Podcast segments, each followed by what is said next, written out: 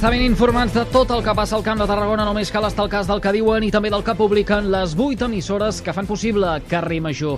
És dimecres 7 de juny de 2023 i això és l'Infotarda Daily. Anna Plaça, bona tarda. Explica'ns, si us plau, què tenim avui en portada?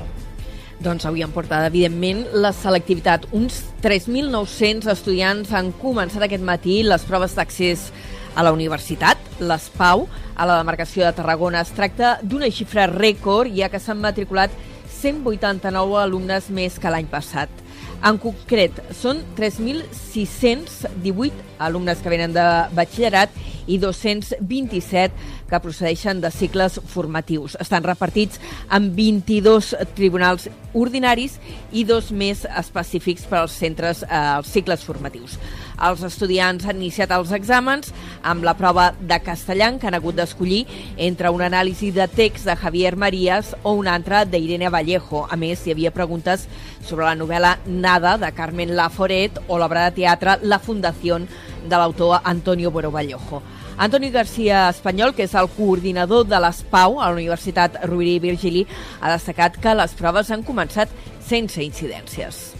Entre 7 i 7 i quart han arribat les proves des de Mossos i, i bé, tot, tot, tot bé, no hi ha cap problema, han començat, ha començat el primer examen sense cap incidència. De, de nervis i de desorientació, no, no saben a quina aula han d'anar, no saben llegir els cartells, un problema general. És un, una qüestió d'allò de comprensió lectora. Doncs paraules del coordinador de la selectivitat aquí al territori en una jornada d'avui en què també s'han fet els exàmens de llengua estrangera i de modalitats com la física o la geografia. I avui també fixem l'atenció en l'acció de protesta que han protagonitzat aquest matí els treballadors d'Escó i Vandellós. Comissions Obreres i UGT han muntat piquets informatius a les portes de les dues centrals provocant llargues cues de treballadors per entrar a la feina en el torn de les 7 del matí. Els sindicats denuncien que la negociació del nou conveni col·lectiu està bloquejada. El motiu és que no es garanteix el manteniment dels llocs de feina un cop tanquin les centrals i es comenci el desmantellament. Joaquim Belsa és el secretari general de Comissions Obreres Escó i Vandellós però el tema de, de l'empleo sí que és una, és, és una línia vermella per nosaltres. Eh, està clar que si nosaltres no tenim, no tenim aquesta garantia d'empleo, com la van tindre el personal de Nuclenor, és dir, estem buscant el mateix que el personal eh, que s'ha aplicat al, a la resta de desmantelaments de, o, o tancaments de les centrals nuclears de Vandelló, de José Cabrera i actualment a Nuclenor, que sigui el personal que està treballant a les instal·lacions el que se fa càrrec de desmantelament. Segons els sindicats, la plantilla de les nuclears està preocupada pel pròxim tancament de les plantes, que ja té data si no hi ha canvis. Serà el 2030 ESCO 1, el 31 ESCO 2 i el 2035 en el cas de Vandellós 2. Més coses. Covestro ha inaugurat aquest dimarts una nova planta de producció de clor al polígon petroquímic Suc de Tarragona. Es tracta de les primeres instal·lacions eh, per fabricar aquest producte a escala industrial en què s'ha implantat una nova tecnologia que permet estalviar un 25% d'energia. La nova planta, situada a prop de la Canonja i Vilaseca, ha suposat una inversió de 200 milions d'euros i crea 50 nous llocs de treball. La fabricació de clor en aquesta nova planta de Covestro a Tarragona reforçarà la producció d'MDI de l'empresa, un producte que s'utilitza per fer una espuma rígida eh, que es fa servir en aïllaments d'aparells de refrigeració, aïllaments d'edificis, entre moltes altres aplicacions. Carrer Major, la proximitat del Camp de Tarragona. En clau política, Esquerra Republicana, el PSC i Junts han arribat a un acord per formar govern a Torredembarra. Això suposa que aquest mandat que ara començarà hi haurà un executiu molt ampli a la torre amb 13 regidors dels 17 que conformen la totalitat del ple. De fet, es tracta de les tres forces més votades a les eleccions del passat diumenge 28 de maig. Com dèiem, Esquerra, Socialistes i Junts. Les tres han assenyalat en un comunicat que hi ha coincidències amb punts del programa. L'acord, però, es basa sobretot en la voluntat de garantir un govern estable i en capacitat, diuen, per desenvolupar les polítiques municipals. I Tarragona tancarà les dutxes de les platges davant la situació d'alerta per sequera i es planteja anul·lar la rebella remullada de Sant Magí.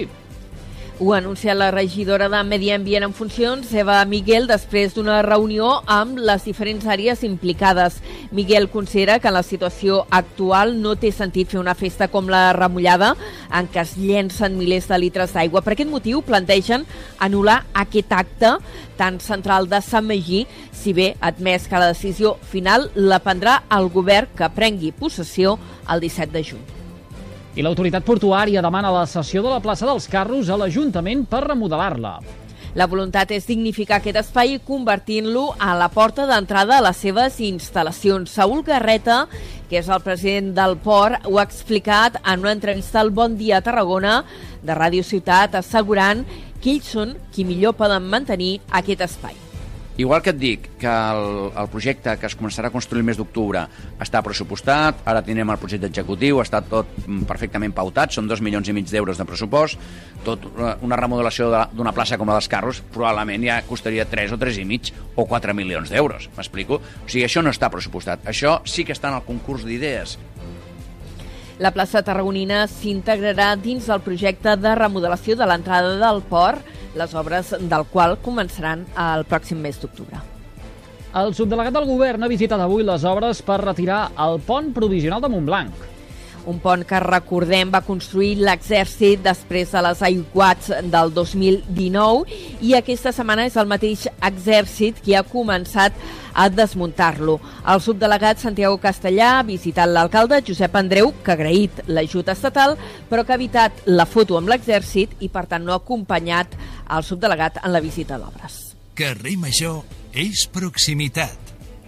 I ara parlem de castells perquè 21 cites castelleres configuren la novena edició de Tarragona, ciutat de castells.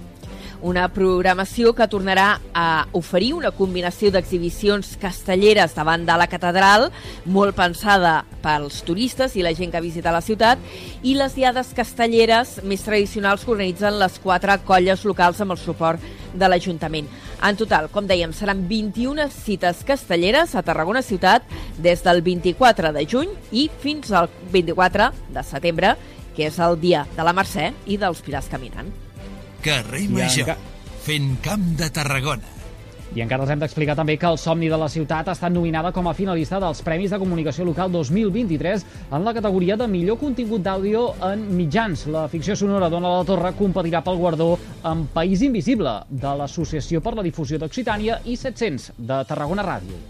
Els guanyadors s'anunciaran un acte dimecres de la setmana vinent, 14 de juny a Granollers, coincidint amb la celebració del MAC, el Mercat Audiovisual de Catalunya. Dit això, ara sí, coneguem quin temps ens espera de cara a les properes hores i connectem amb el Servei Meteorològic de la xarxa de comunicació local. Lluís B. Pérez, hola, molt bona tarda.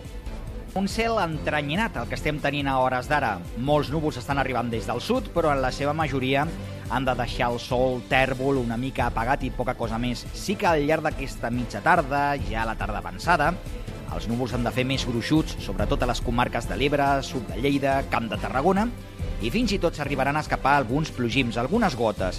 Independentment, a l'Alt Pirineu, sobretot al nord de Lleida, algun ruixat, però molt més esporàdic que les tempestes que teníem ahir. De fet, gran part del nord de Catalunya avui ja no esperem que tingui tempesta. I l'ambient, xafogós. Ha baixat una mica la temperatura respecte ahir, però encara el vent de Garbí, per exemple, a Girona, fa que passem fàcilment dels 25 graus.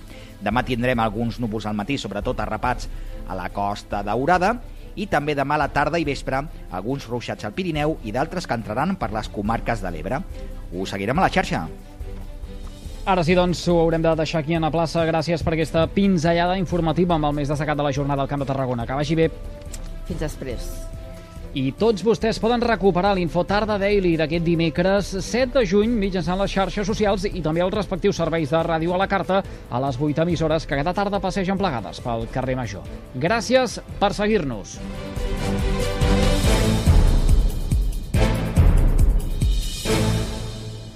Carrer Major, a la teva ràdio de proximitat.